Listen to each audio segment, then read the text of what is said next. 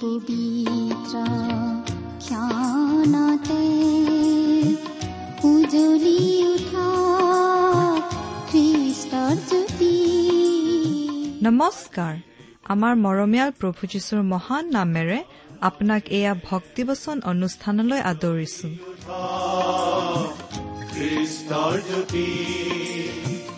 আকাশ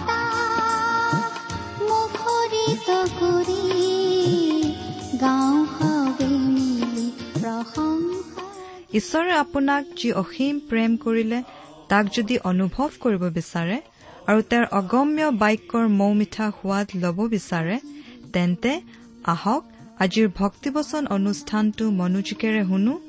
এয়া আপোনালৈ আগবঢ়াইছো ঈশ্বৰৰ জীৱন্ত বাক্যৰ অনুষ্ঠান ভক্তিবচন।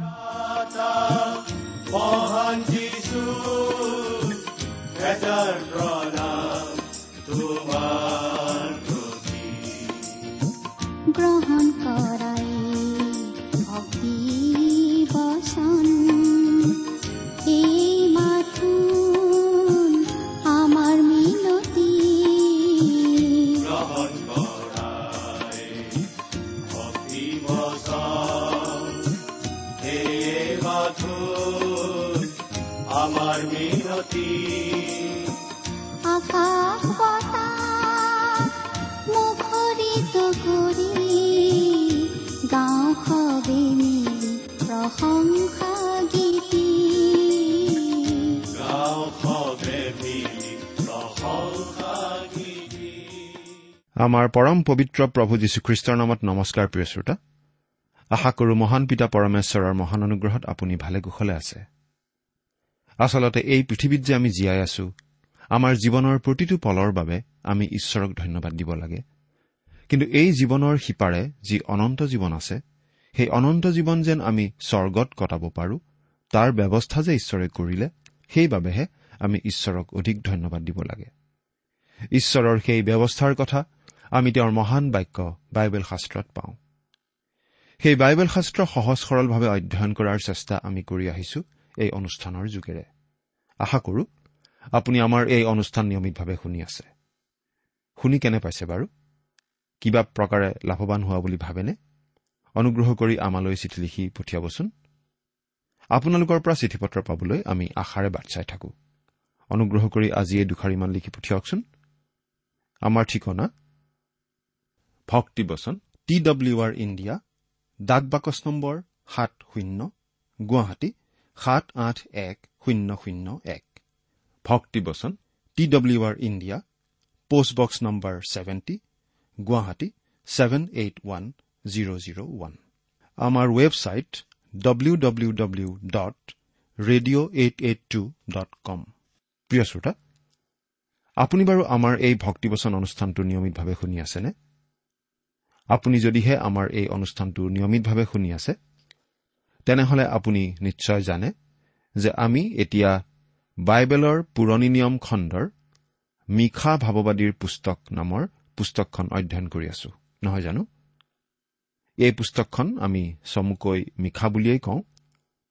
আপুনি আমাৰ যোৱা অনুষ্ঠানটো শুনিছিল নে আমি বাৰু কি আলোচনা কৰিছিলো আপোনাৰ মনত আছেনে? যোৱা অনুষ্ঠানত আমি এই মিশা পুস্তকখনৰ দুই নম্বৰ অধ্যায়ৰ দুই নম্বৰ পদৰ পৰা এঘাৰ নম্বৰ পদলৈকে আলোচনা আগবঢ়াইছিলো নহয় জানো?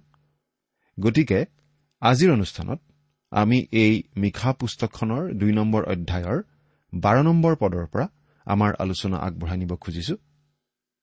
এই মিশা পুস্তকখন হৈছে এখন ভাৱবাণীমূলক পুস্তক। ভৱিষ্যতে ঘটিবলগীয়া কিছুমান কথা ইয়াত জনাই দিয়া হৈছে। তাৰে কিছুমান ইতিমধ্যেই ঘটি গ'ল কিছুমান এতিয়াও ঘটিবলৈ বাকী। ইয়াৰ যোগেদি আজি আমি শিকিবলগীয়া অনেক কথা আছে। প্ৰিয় শ্ৰোতা আমাৰ এই বাইবেল অধ্যয়নৰ অনুষ্ঠান শুনাৰ সময়ত লগত বাইবেলখন লৈ ল'লে ভাল হয়। আপুনি আপোনাৰ বাইবেলখন মেলি লৈছেনে বাৰু? আহক এতিয়া আমি আমাৰ অধ্যয়ন আৰম্ভ কৰাৰ আগতে খন্তেক প্ৰাৰ্থনাত মূৰ দুৱাওঁ।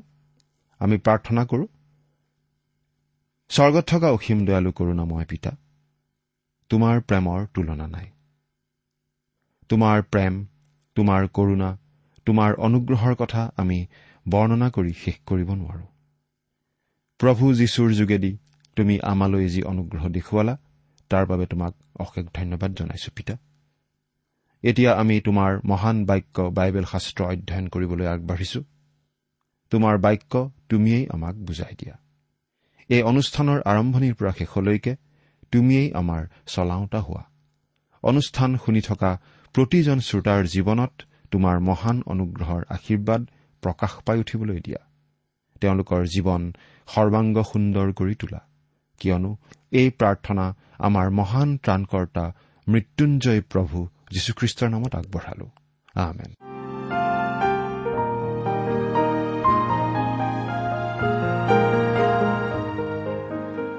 প্ৰিয় শ্ৰোতা মিশা ভাৱবাদীৰ পুস্তকৰ দুই নম্বৰ অধ্যায়ত আমি মিশাই দিয়া দ্বিতীয়টো বাৰ্তা পাই আছো আৰু ইছৰাইলীয়া লোকসকলৰ বিভিন্ন পাপৰ কথা তেওঁ উল্লেখ কৰিছে।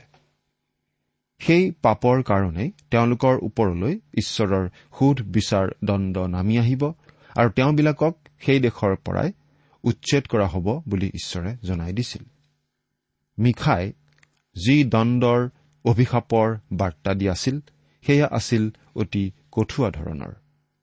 কিন্তু এতিয়া অধ্যায়টোৰ শেষত এটা সৰু কিন্তু সুন্দৰ ভৱিষ্যৎবাণী আছে। সেই ভাৱবাণীটো ধুমুহাৰ বতৰত কলা মেঘৰ মাজেদি বিৰিঙি ওলোৱা উজ্জ্বল সূৰ্যৰ কিৰণৰ নিচিনাকৈ জিলিকি আছে। বাইবেলৰ পৰা এতিয়া পাঠ কৰি দিম। মিশা দুই নম্বৰ অধ্যায়ৰ বাৰ নম্বৰ পদ। পাঠ কৰি দিম। হে জাকুব মই নিশ্চয় তোমাৰ সকলো লোককে গোটাম। মই নিশ্চয় ইছৰাইলৰ অৱশিষ্ট ভাগক গোটাম।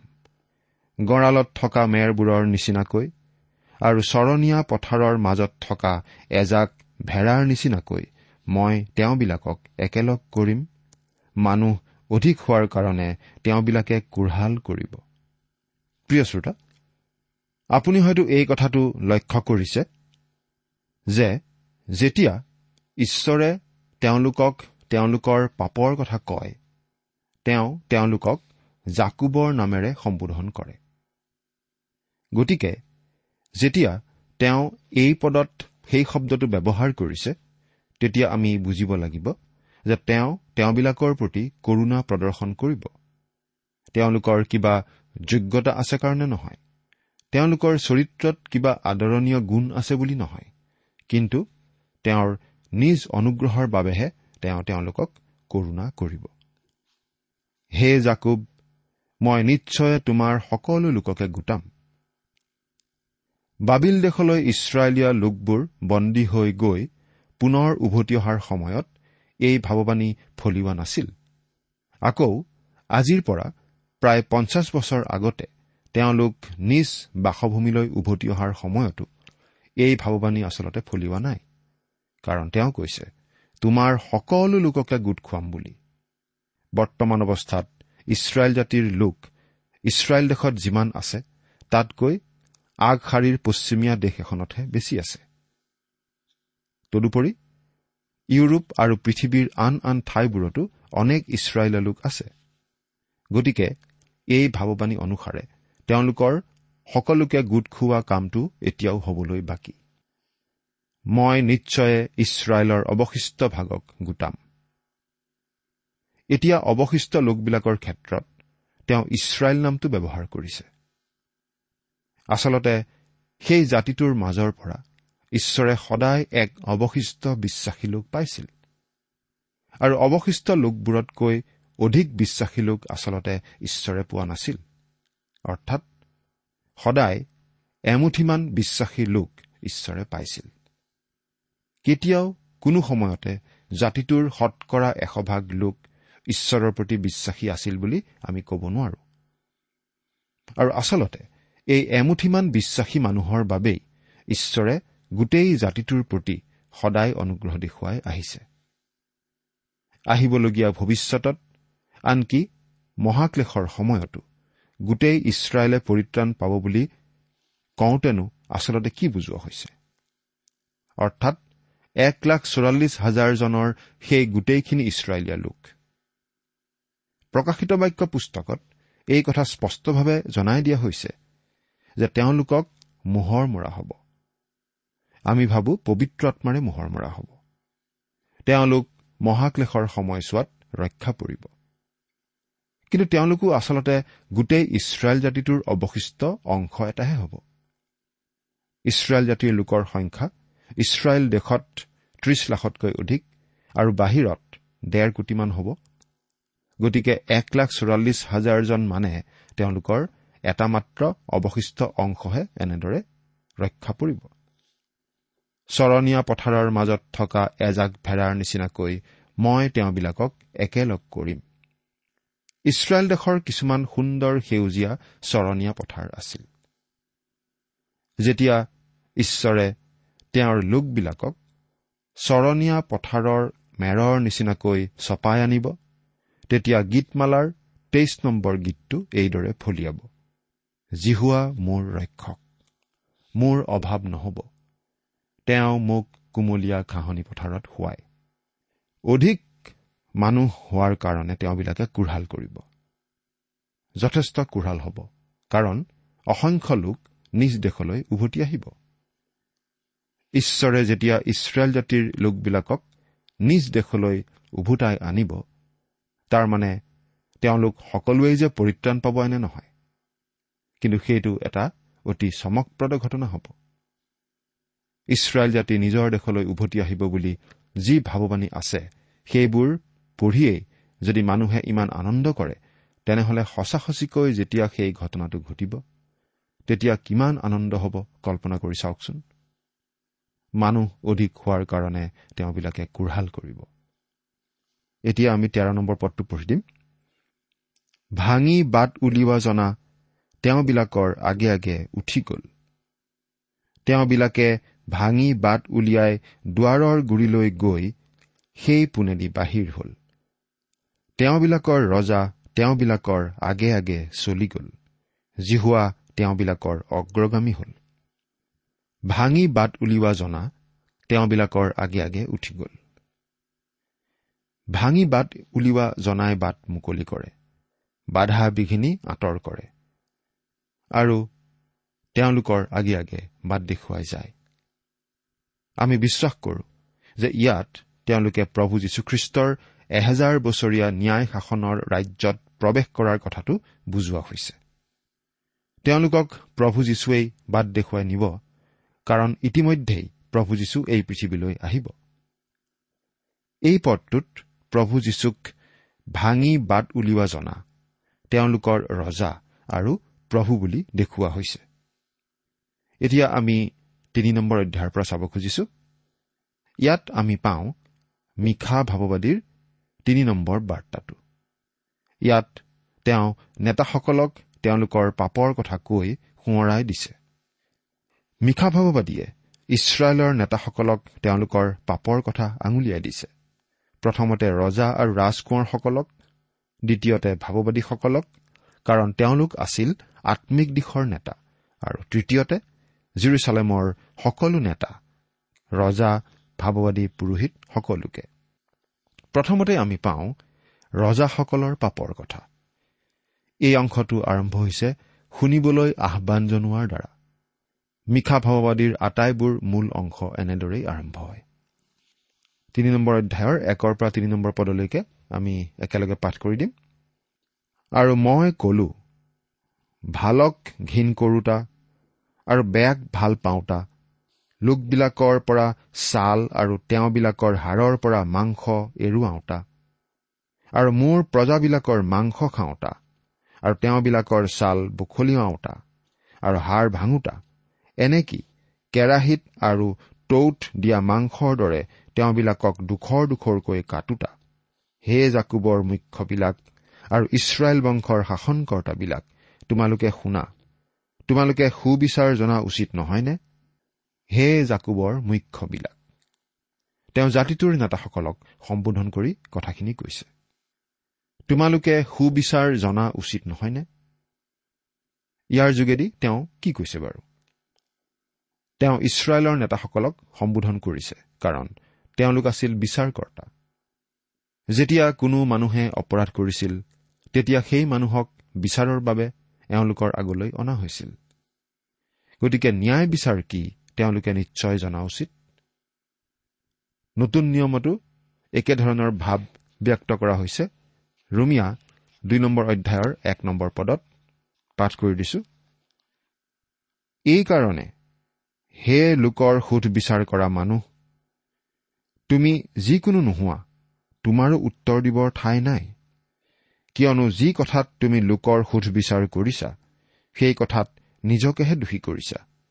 কাৰণ লোকৰ সোধ বিচাৰ কৰা যি তুমি তুমি নিজেও সেই একে আচৰণ কৰিছা।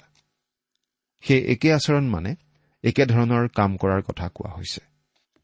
দ্বিতীয় চমুৱেল বাৰ নম্বৰ অধ্যায়ত আমি ইয়াৰ এটা উদাহৰণ পাওঁ। নাথান ভাৱবাদী দায়ুদ্ৰজাৰ আগলৈ আহি তেওঁৰ ৰাজ্যত থকা এজন ধনী মানুহৰ কথা কলে যাৰ বহুতো ভেড়া ছাগলী আছিল। তেওঁ এজন দুখীয়া মানুহৰ ভেড়া এজনী একমাত্ৰ ভেড়াজনী লৈ মাৰি আলহীক খুৱাবলৈ ভাজিলে। যেতিয়া দায়ুদ্ৰজাই এই কথা শুনিলে তেতিয়া খঙতে ৰঙা চিঙা পৰি তেনে কাম কৰিবলৈ সাহস কৰা মানুহজনৰ বিৰুদ্ধে ৰায় দিলে। সেই কাৰ্য অন্যায় বুলি তেওঁ বুজি পাইছিল। কিন্তু দায়ুদ্ৰজাই নিজেই আচলতে তেনেকুৱা বেয়া কাম কৰিছিল। গতিকে নাথানে দায়ুদক কলে তুমিয়েই সেই মানুহজন। দায়ুদে সেই ৰায় মানি ললে আৰু ঈশ্বৰৰ আগত নিজৰ পাপ স্বীকাৰ কৰিলে। প্ৰিয় শ্ৰোতা এইটো অতি আচৰিত যেন লাগে যে আমি আন মানুহৰ পাপ খুব সোনকালে দেখা পাওঁ কিন্তু নিজৰ নিজৰ পাপহে আমি একেবাৰে দেখা নাপাওঁ। আৰু সেইকাৰণেই ঈশ্বৰে ইছৰাইলৰ এই নেতাসকলক কৈছে তোমালোকে আন মানুহবিলাকৰ অপৰাধৰ বিচাৰ কৰিছা কিন্তু তোমালোকেও একেধৰণৰ কামেই কৰি আছা। এই কথাটো আজিও আমি দেখি থাকো। বহুতো মানুহে আনক কঠোৰ শাস্তি দিয়াটো আজিকালি সমৰ্থন নকৰে কাৰণ তেওঁলোকৰ নিজৰ মনতো দোষী দোষী ভাৱটো নিশ্চয় আছে। বিচাৰকৰ আসনত বহি আনক আমি প্ৰাপ্য শাস্তি দিব পাৰিমনে? যদিহে আমাৰ নিজৰো দুখ থাকে। আমাৰ নেতাসকলে আন নেতাৰ দুখ আঙুলিয়াই দিয়া দেখিলে বাৰু আমাৰ হাঁহি নুঠেনে? আমাৰ বেছিভাগৰে জীৱনত অনেক গুপুত পাপ নিশ্চয় আছে। মুঠতে প্ৰিয় শ্ৰোতা ন্যায় আৰু উচিত বিচাৰ কৰিবলৈ হলে সৎ আৰু নিষ্ঠাবান লোকৰ প্ৰয়োজন। মিশা ভাৱবাদীয়ে আচলতে সেই সময়ৰ নেতাসকলক এই কথাই কৈ আছে। ন্যায় বিচাৰ কি? তোমালোকে জনাটো উচিত নহয়নে? তোমালোকে নজনাকৈ কাম কৰা নাই? তোমালোকৰ অভিজ্ঞতা আছে? তোমালোকে অপৰাধীৰ বিচাৰ কৰিছা কিন্তু তোমালোকো অপৰাধী। ভালক ঘীন কৰোতা বেয়াক ভাল পাওঁতা। এজন মানুহে যদি আগৰাতি মদৰ পাৰ্টিত মদ খাই মতলীয়া হৈ পিছদিনা মদ পান কৰি গাড়ী চলাই মানুহ খুন্দিয়াই মৰা ড্ৰাইভাৰ এজনৰ বিচাৰ কৰিব লগা হয় তেতিয়া বাৰু কি হ'ব? নিশ্চয় মানুহজনক সহজে এৰি দিব। এনেকুৱা ঘটনা কিন্তু ঘটিয়েই থাকে। এজন মানুহে নিজৰ অভিজ্ঞতা এনেদৰে বৰ্ণাইছিল। মোৰ মাক এদিন ৰাতি এজন মদপী ড্ৰাইভাৰে খুন্দিয়াই মাৰিলে। মোক সাক্ষী হিচাপে মতা হ'ল। মই কেৱল এই বুলিয়েই আবেদন কৰিলো ন্যায় বিচাৰ হ'ব লাগে। কিন্তু ড্ৰাইভাৰজনক অতি লঘু শাস্তি দি এৰি দিয়া হ'ল। মই ৰায়দান কৰা মানুহজনলৈ চালো। তেওঁৰ বিবেক নিশ্চয় শুদ্ধ নাছিল। মিশা ভাওবাদীৰ দিনত মুখিয়াল লোকসকলে আচলতে ভালক ঘীন কৰিছিল। তেওঁলোকে আচলতে বেয়াকহে প্ৰেম কৰিছিল। তেনেকুৱা মানুহ নেতা হোৱা উচিত তেতিয়াও নাছিল। আৰু তেনেকুৱা মানুহ এতিয়াও নেতা হোৱা উচিত নহয়। যি মানুহে নিজৰ ভাৰ্যাৰ প্ৰতিয়েই বিশ্বাসী নহয় তেনে মানুহে জানো সমাজৰ বাবে আইন বনাব পাৰে? বৰ্তমান পৃথিৱীত যি নৈতিক অধঃপতন ঘটিছে তাৰ মূলতেই আচলতে আমাৰ নেতাসকলো দোষী। মিশা ভাৱবাদীৰ দিনত দোষটো ঈশ্বৰে তেওঁলোকৰ নেতাসকলৰ ওপৰতেই দিছিল। মানৱৰ শাসন প্ৰণালীৰ নীতিৰ ক্ষেত্ৰত ঈশ্বৰৰ মনোভাৱ কি তাকেই এই মিশা ভাওবাদীৰ পুস্তকত আমি বাৰে বাৰে দেখিবলৈ পাই আহিছো। আচলতে ঈশ্বৰে বিচাৰে শাসনভাৰ সদায় সৎ চৰিত্ৰৰ লোকৰ হাততহে থাকিব লাগে। লোকবিলাকৰ পৰা ছাল আৰু তেওঁবিলাকৰ হাড়ৰ পৰা মাংস এৰুৱাওঁতা। তেওঁলোকে দুখীয়া লোকবিলাকৰ প্ৰতি কেনে বৰ্বৰ আচৰণ কৰিছিল ঈশ্বৰে তাৰেই এখন স্পষ্ট ছবি ইয়াত দাঙি ধৰিছে। তেওঁলোক অতি নিষ্ঠুৰ নৰমাংসভোজী মানুহ যেন আছিল। দুখীয়াৰ প্ৰতি ব্যৱহাৰৰ ক্ষেত্ৰত তেওঁলোক তেনেকুৱা নিষ্ঠুৰ আছিল। তেওঁলোক নীতি নমনা আৰু কৰুণা নথকা লোক যেন আছিল। তেনেকুৱা মানুহে আনৰ বিচাৰ কৰা নিশ্চয় উচিত নহয়। আচলতে আমি কোনেও কাকো সুবিচাৰ কৰিব নোৱাৰিম। কিন্তু আমি প্ৰভু যীশুৰ পৰা সুবিচাৰ আশা কৰিব পাৰোঁ। কিন্তু মোৰ বিচাৰ তেওঁৰ আগত হৈ গ'ল মই আৰু কোনো সুদবিচাৰলৈ আহিব নালাগে। প্ৰতিজন খ্ৰীষ্টীয় বিশ্বাসেই আচলতে এই বুলি ক'ব পাৰে। চাৰি নম্বৰ পদ। সেই সময়ত তেওঁবিলাকে জিহুৱাৰ আগত কাটৰোক্তি কৰিব কিন্তু তেওঁ তেওঁবিলাকক উত্তৰ নিদিব। এনেকেই তেওঁবিলাকৰ কাৰ্যৰ দ্বাৰাই তেওঁবিলাকে কুকৰ্ম সিদ্ধ কৰাৰ উচিত প্ৰতিফলস্বৰূপে সেই সময়ত তেওঁ তেওঁবিলাকৰ পৰা নিজ মুখ ঢাকিব। মিশা ভাওবাদীয়ে বাৰু কাক এই কথা কৈ আছে? তেওঁ ইছৰাইলৰ নেতাসকলক এই কথা কৈ আছে। তেওঁলোক নিজে শাসনত থাকোঁতে দুৰ্বল দুখীয়া লোকসকলৰ প্ৰতি কৰুণা প্ৰদৰ্শন কৰা নাছিল। মানৱৰ প্ৰতি তেওঁলোকৰ অকণো শ্ৰদ্ধা নাছিল। কোনো সহানুভূতি কোনো প্ৰেম তেওঁলোকৰ অন্তৰত নাছিল। কিন্তু এতিয়া তেওঁলোকতকৈ শক্তিশালী জনা অৰ্থাৎ সৰ্বশক্তিমান ঈশ্বৰৰ পৰা দণ্ড নামি আহিব ধৰিছে। আৰু ঈশ্বৰৰ আগত তেওঁলোক একেবাৰে অসহায়। সেই চলাওঁতা নেতা বিচাৰকৰ্তাবিলাকে ঈশ্বৰ জিহুৱাৰ আগত সেই কঠিন পৰিস্থিতিত কাটৰোক্তি কৰিব প্ৰাৰ্থনা কৰিব। কিন্তু ঈশ্বৰে তেওঁবিলাকৰ সেই প্ৰাৰ্থনাৰ উত্তৰ নিদিব। এই বিচাৰকৰ্তা নেতাসকলে ঈশ্বৰৰ আগত প্ৰাৰ্থনা জনাব। সেইটো বাৰু মন কৰিবলগীয়া কথা নহয়নে প্ৰিয় শ্ৰোতা? আমি সকলো লোকেই বিপদত পৰিলে ঈশ্বৰৰ ওচৰ চাপো। মানুহে বিপদত পৰিলে ঈশ্বৰৰ নাম লোৱা দেখিলে আমাৰ বাৰু কেনেকুৱা লাগে? যি মানুহে ঈশ্বৰক এই পৃথিৱীৰ সকলো বিষয়ৰ পৰাই বিসৰ্জন দিব খোজে। সকলো ক্ষেত্ৰতে ঈশ্বৰক আঁতৰাই ৰাখিব খোজে। তেনেকুৱা মানুহেও বিপদৰ আশংকা দেখিলেই ঈশ্বৰৰ নাম লয়। আজি আমাৰ এই ভদ্ৰ সমাজত মানুহে ঈশ্বৰৰ নাম নলয়। হয়তো অৱজ্ঞাসূচকভাৱে নাইবা ঠাট্টা মস্কৰা আদিৰ ভাৱেৰে কেতিয়াবা ঈশ্বৰৰ কথা মানুহে উল্লেখ কৰে। কিন্তু মাজে মাজে বিপদ বিঘিনিৰ সময়ত মানুহে কয় মে গড হেল্প আছ ঈশ্বৰে আমাক সহায় কৰক। সেই সময়ত তেনেকুৱা মানুহৰ প্ৰাৰ্থনা ঈশ্বৰে শুনিব নে নুশুনিব? সেইটো অৱশ্যে আমি ক'ব নোৱাৰো। কিন্তু মিশা ভাৱবাদীৰ সময়ৰ সেই ঈশ্বৰলৈ ভয় ভক্তিহীন নেতাসকলৰ ক্ষেত্ৰত হলে ঈশ্বৰে এই বুলি জনাই দিছিল যে তেওঁলোকে বিপদত পৰি কাটৰোক্তি কৰিলেও ঈশ্বৰে তেওঁলোকৰ প্ৰাৰ্থনা নুশুনিব। বৰং ঈশ্বৰে সেই সময়ত তেওঁবিলাকৰ পৰা মুখ ঢাকিব। প্ৰিয় শ্ৰোতা আজি আমি এনেকুৱা এটা সময়ত বাস কৰি আছো যেন ঈশ্বৰ নীৰৱ হৈ আছে আৰু বৰ্তমানৰ পৰিস্থিতিত ঈশ্বৰে বিশেষ একো হস্তক্ষেপ কৰা নাই যেন আমাৰ লাগে। তথাপি তেওঁৰ অনুগ্ৰহ এতিয়াও আমাৰ বাবে যথেষ্ট। আমি এই কথাও জনা উচিত যে ঈশ্বৰে আচলতে একো নকৰাকৈ বহি থকা নাই। আমাৰ পৰিত্ৰাণৰ বাবে তেওঁ আমালৈ অনুগ্ৰহ দেখুৱাইছে। তেওঁৰ সন্তান প্ৰভু যীশুক নিজৰ জীৱনৰ ত্ৰাণকৰ্তা বুলি গ্ৰহণ কৰি তেওঁৰ আগত নত হোৱা প্ৰতিজন লোকৰ প্ৰতি সেই মহান ঈশ্বৰৰ দয়া কৰুণাৰ পাৰাপাৰ নাই। প্ৰভু যীশুক ত্ৰাণকৰ্তা বুলি গ্ৰহণ কৰি সেই ঈশ্বৰৰ কৰুণাৰ সোৱাদ আপুনি গ্ৰহণ কৰিছেনে? চিন্তা কৰি চাওকচোন। ঈশ্বৰে আপোনাক আশীৰ্বাদ কৰক। আমেন।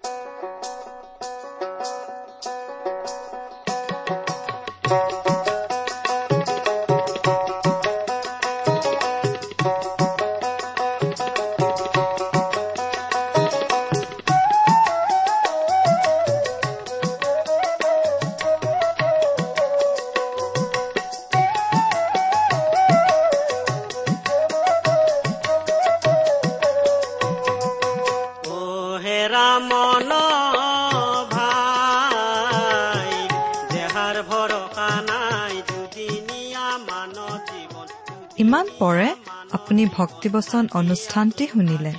এই বিষয়ে আপোনাৰ মতামত জানিবলৈ পালে আমি নথৈ আনন্দিত হ'ম।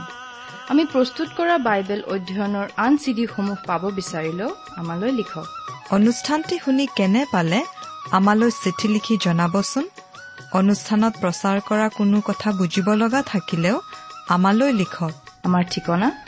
ভক্তিবচন ট্ৰান্স ৱৰ্ল্ড ৰেডিঅ' ইণ্ডিয়া ডাক বাকচ নম্বৰ সাত শূন্য গুৱাহাটী সাত আঠ এক শূন্য শূন্য এক। ঠিকনাটো আৰু এবাৰ কৈছো ভক্তিবচন ট্ৰান্স ৱৰ্ল্ড ৰেডিঅ' ইণ্ডিয়া ডাক বাকচ নম্বৰ সাত শূন্য গুৱাহাটী সাত আঠ এক শূন্য শূন্য এক। আমাৰ ইমেইল এড্ৰেছটো হৈছে এছএমইজ T T B at the rate radio' eight eight two dot com. আমাৰ website W W W dot T W R dot in আপুনি টেলিফোনৰ মাধ্যমেৰেও আমাক যোগাযোগ কৰিব পাৰে। আমাৰ টেলিফোন নম্বৰটো হৈছে শূন্য তিনি ছয় এক দুই ছয় শূন্য চাৰি ছয় সাত এক। ফোন নম্বৰটো আকৌ এবাৰ কৈছো zero' three six one two six zero' four six seven one আজিৰ অনুষ্ঠানটি ইমানতেই সামৰিছো। ঈশ্বৰৰ শান্তি আৰু অনুগ্ৰহ আপোনাৰ লগত থাকক। ধন্যবাদ।